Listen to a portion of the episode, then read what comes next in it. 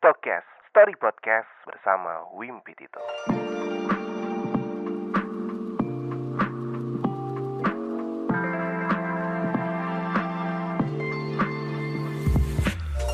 Hai, apa kabar lo hari ini? Semoga baik-baik aja dan semoga tetap sehat aja. Ketemu lagi bersama Wimpi Tito di Stokes Story Podcast. Selamat hari Senin.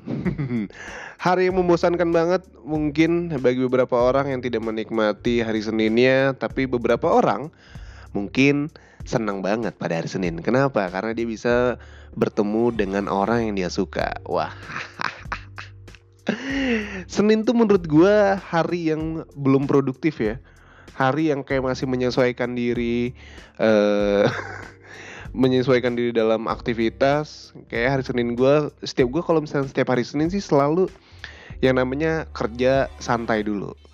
Santai ibaratnya kayak manasin mobil atau manasin motor. Dan gue baru fokus kerja itu hari Selasa. Ya salah sih sebenarnya. Cuman kalau gue seperti itu. Jadi Senin tuh gue agak sedikit uh, ngambil apa namanya ngerjain kerjaan tuh yang santai-santai dulu. Nggak yang sampai berpikir sampai pusing sampai segala macem biasanya yang pusing-pusing segala macem tuh gue lakuin hari Selasa atau Rabunya nah um, lu sih kalau bak lu sih bakal pusing ya lu bakal pusing ketika lu uh, kuliah tapi merantau. Wah, gila. Kenapa pusing? Karena pertama lu harus mikirin makan lu sendiri, gimana caranya lu memanage uang yang dikasih sama orang tua lu supaya cukup sampai satu bulan. Apalagi susah buat lo yang sudah uh, terkontaminasi sama pergaulan Jakarta. Ini gue ngomongin pada era 2013 di mana mahasiswa-mahasiswa itu sering banget dan banyak banget yang bikin acara-acara dugem di klub yang otomatis kalau lu datang ke sana ya ya yang ngeluarin duit gitu karena ada beberapa temen gue yang uh, kuliahnya merantau di sini di Jakarta rumahnya di daerah. Kecanduan sama dugem akhirnya duitnya habis. Tapi bagusnya adalah ketika dia mau dugem eh ketika dia pengen punya duit buat melakukan kesenangannya dia mencari kerja di tempat lain. Wah gue salut sih ya.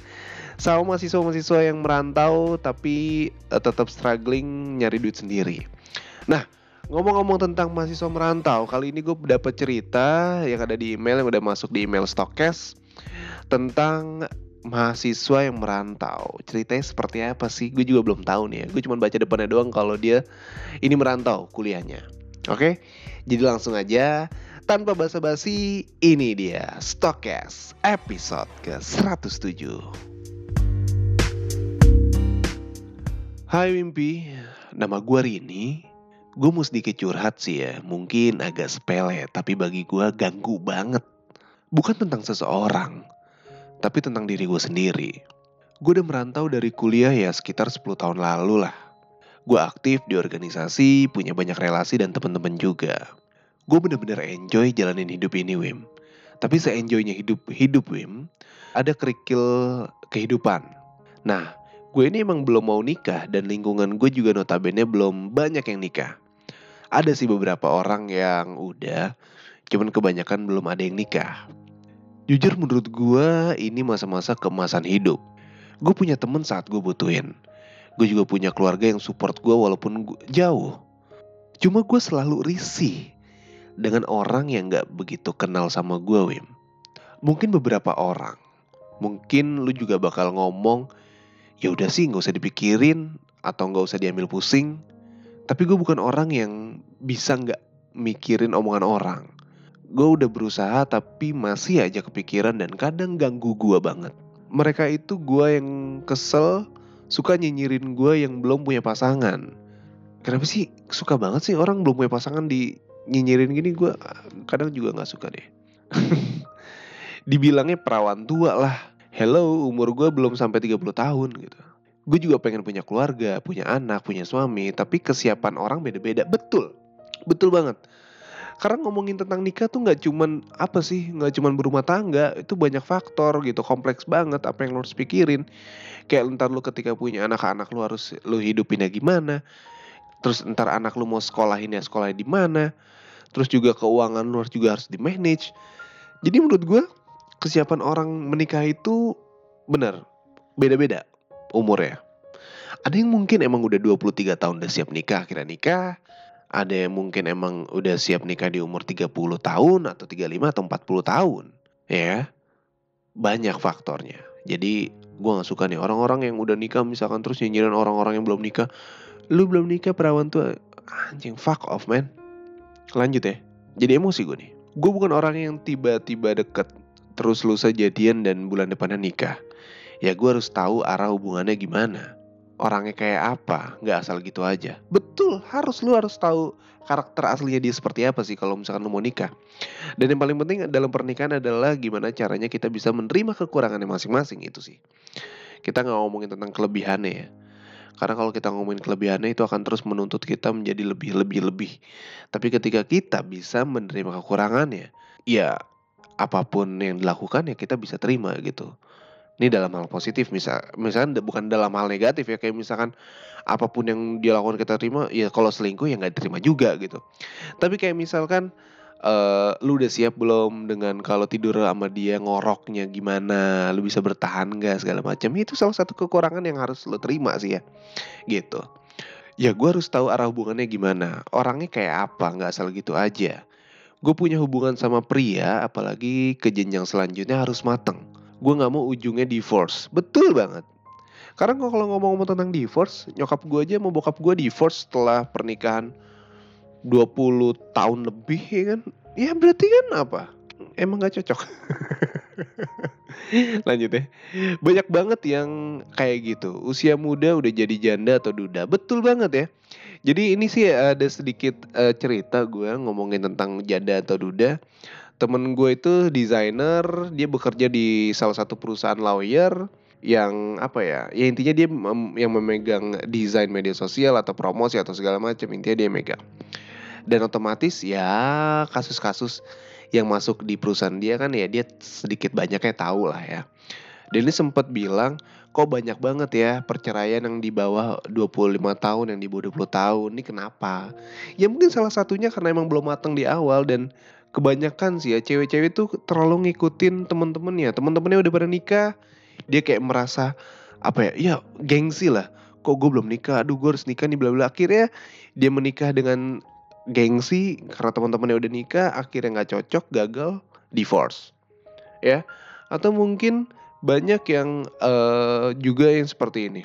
Teman-temannya udah pada punya anak ya sedangkan kalau misalkan lu bisa berkaca pada diri lu sendiri ya gue belum siap punya anak tapi karena gengsi teman-teman lu udah pada punya anak lu pengen punya anak akhirnya setelah punya anak lu berdua pas lu sepasang berdua nih suami istri tidak bisa uh, apa namanya tidak bisa ya bukan mendidik atau tidak bisa menerima yang akan terjadi pada anak lu misalkan. Akhirnya pada uh, ngandelin satu sama lain saling mengandalkan nggak cocok akhirnya divorce kasihan anaknya kan. Itu Betul juga. Mana nih? Banyak banget yang kayak gitu usia muda udah jadi nikah, udah jadi janda atau duda. Betul, banyak banget jamur sekarang ya janda di bawah umur. Kadang gue berpikir apa gue harus pindah ke luar negeri biar mental gue tenang. Mungkin uh, untuk beberapa bulan boleh. Untuk mencari perspektif yang berbeda boleh ke luar negeri. Tapi pindah kayak gitu ya butuh modal, butuh persiapan yang matang banget. Belum lagi gue nggak sanggup lebih jauh lagi dari orang tua gue. Jujur ya Wim, gue aja gara-gara omongan orang yang banyak banget tentang hidup ini sampai gue harus ke psikiater. Anjrit emang lu diomonginnya parah apa sampai psikiater? Sampai gue harus ke psikiater buat nyari pertolongan karena emang ganggu banget. Itu mungkin salah satu gangguan kehidupan yang bisa gue ceritain. Sebenarnya masih banyak lagi cuman terlalu ribet nanti lu males lagi bacanya. Eh santai aja kali lu dikit banget ini udah selesai loh ini ceritanya. Sebentar banget. Gila cuma 10 menit nih cerita apa? Gue harus ngomong apa dong Oke, okay, um, karena gue ngomongin jodoh ya, gue adalah orang yang baru banget menikah.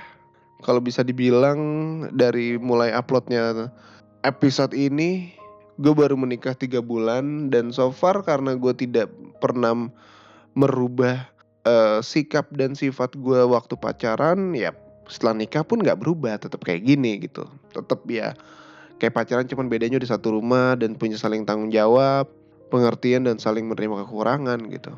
Kayak misalkan kayak gue nih. gue tuh kalau tidur tuh kadang suka mangap gitu ya berarti istri gue harus bisa menerima gue dengan keadaan gue jelek gitu lagi tidur terus apa lagi Eh untungnya gue sih nggak ngorok ya atau istri gue juga nggak ngorok karena banyak orang yang eh, melihat dari parasnya doang ternyata pas ke kehidupan nyata tidur bareng ternyata ngorok kenceng banget. Itu kan ganggu banget yang ngorok itu menurut gue ganggu banget sih untuk tidur.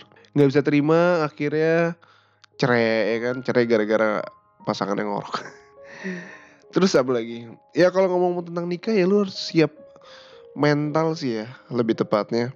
Karena gini gue sih berasa banget ya mental ketika mungkin ketika lu masih pacaran mungkin ya ketika lu masih pacaran terus tiba-tiba cewek lu bilang eh, nggak dapet lu pusing.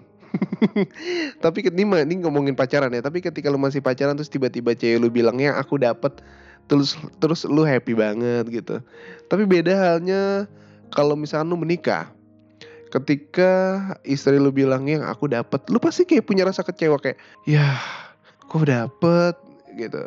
Itu itu tuh tuh mental loh sebenarnya apalagi tuntutan dari orang tua yang pengen punya cucu segala macam tuntutan orang tua pengen punya cucu sedangkan kita sebagai anak sudah berusaha semaksimal mungkin tapi ya belum dikasih kasih juga itu mental. Itu yang harus mental yang harus kuat.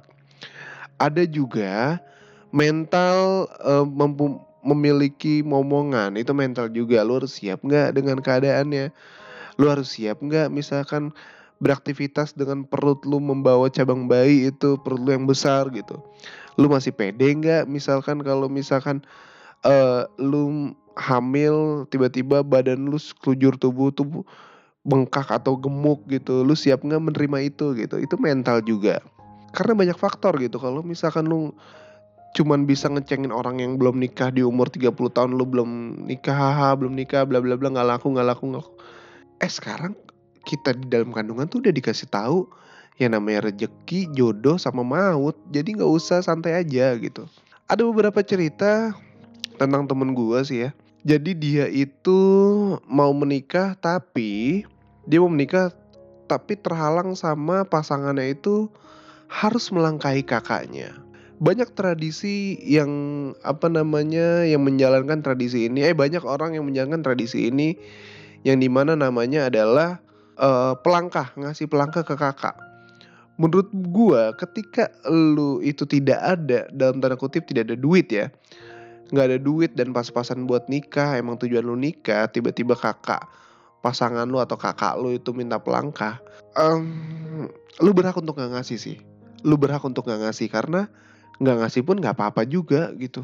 Ya sekarang kalau misalkan seorang kakak minta aneh-aneh atau mempersulit adiknya untuk menikah sedangkan dia aja belum nikah yang ada lu ntar dipersulit untuk dapetin jodoh gitu.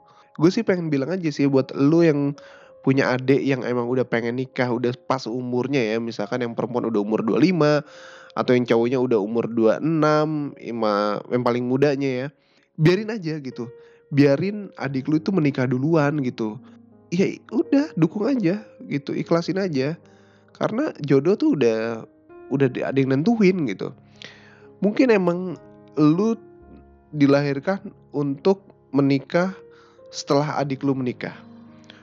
Mungkin adik lu menikah duluan karena dia sudah siap dari segala eh, macam apa ya segala macam kriteria lah. Kayak misalkan dia udah siap secara matang dalam mental secara matang dalam finansial sedangkan lu yang masih cuman main-main doang gitu finansial lu masih berantakan berarti kan lu belum siap untuk menikah atau apa namanya membangun bali balihai rumah tangga ici gitu. Ya gitulah. Intinya menikah itu bukan main-main sih ya.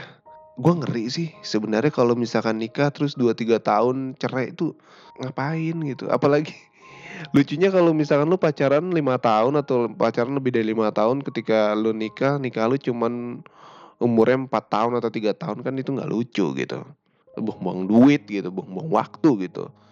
Udah dibikinin pernikahan mewah malah cerai. Ya tapi walaupun perceraian juga tidak apa namanya tidak ya diperbolehkan perceraian gitu. Menurut gue perceraian adalah satu step atau pelajaran yang paling berharga untuk lo bisa naik kelas dan memahami diri lo sendiri. Gue sih berpikir gini, mungkin kalau orang tua gue divorce selama 20 tahun lebih, itu pasti ada awalnya deh kenapa. Gue sih sangat amat meyakini itu. Ya sekarang gini, kalau ngomongin tentang jodoh, gue sih inget banget sih ya.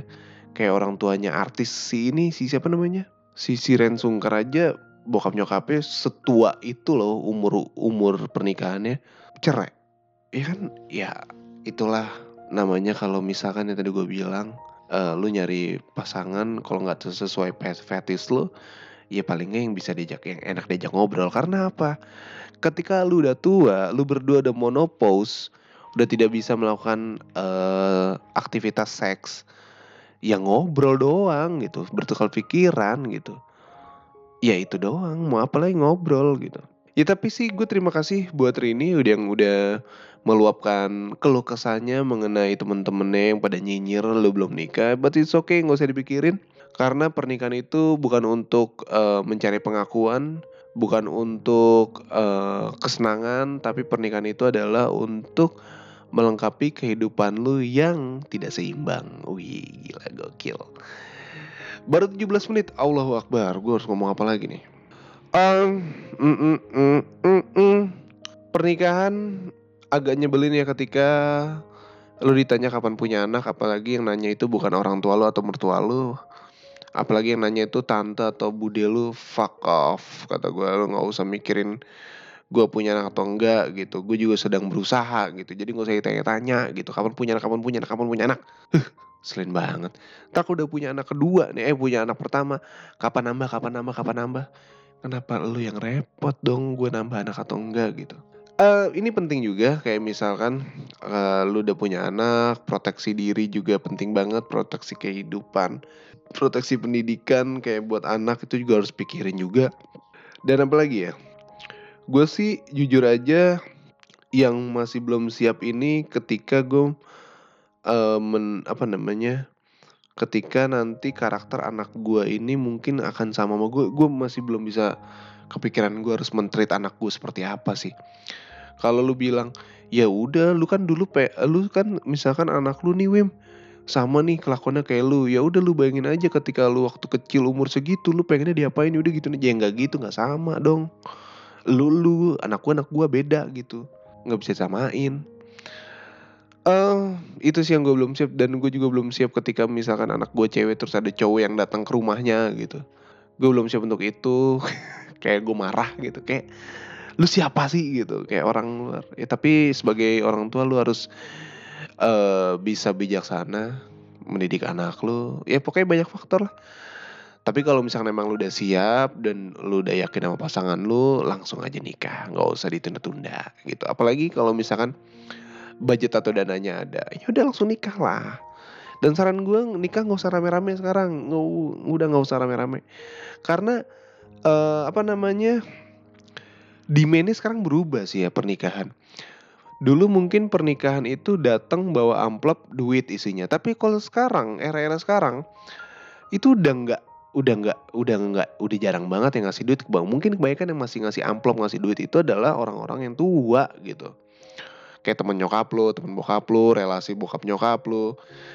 Dan kebanyakan kalau cewek-cewek yang gue tahu cewek-cewek, kalau cowok-cowok sih, sih kayaknya masih deh masih ngasih duit dan juga tisu magic kalau misalkan kondangan ya. Tapi kalau cewek-cewek itu biasanya kalau misalkan nggak ngasih duit atau amplop, dia selalu mengirimi barang-barang yang bakal berguna ketika lo berumah tangga. Itu pasti deh nyari di Shopee ya kan, taruh keranjang dulu. Oh, ntar sih buat si A ntar nikah gitu. Gue bakal ngaduin ini gitu. Itu uh, udah berubah sekarang. Udah ba udah banyak yang seperti itu ngirim-ngirim kado lebih banyak daripada bawain duit. Walaupun sejatinya pengantin tuh pengen banget lu ngasih duit karena butuh duit ya kan? Ya pokoknya intinya jangan pernah minder atau jangan pernah down ketika orang-orang sekitar lu itu menuntut lu untuk menikah karena yang menikah lu bukan tetangga lu, bukan saudara lu, bukan temen lu, yang menikah tuh lu. Jadi lu lu yang lu yang tahu kapan lu harus siap, kapan lu nggak siap. Kapan lu udah uh, mantep, kapan lu nggak mantep, lu doang yang tahu ya. Jadi saran dari gue adalah um, menikahlah ketika lu sudah yakin dan cukup ya karena percuma lu yakin nikah tapi lu nggak punya duit ya KUA akan bayar 600 ribu dong ya, masa gratis ya jadi uh, siapkan finansial siapkan mental dan siapkan jodohnya juga untuk menikah ya ya udah kalau begitu, Wimpi tetap pamit. Terima kasih banyak sudah mendengarkan. Ingat sekali lagi, jangan pernah minder dan, dan jangan pernah down ketika lo ditanya, kapan nikah, kapan nikah? Karena sejatinya paling kesel kalau ditanya, kapan punya anak. Uh. Ya, kalau gitu Wimpi tetap pamit. Sampai ketemu uh, minggu depan. Ciao.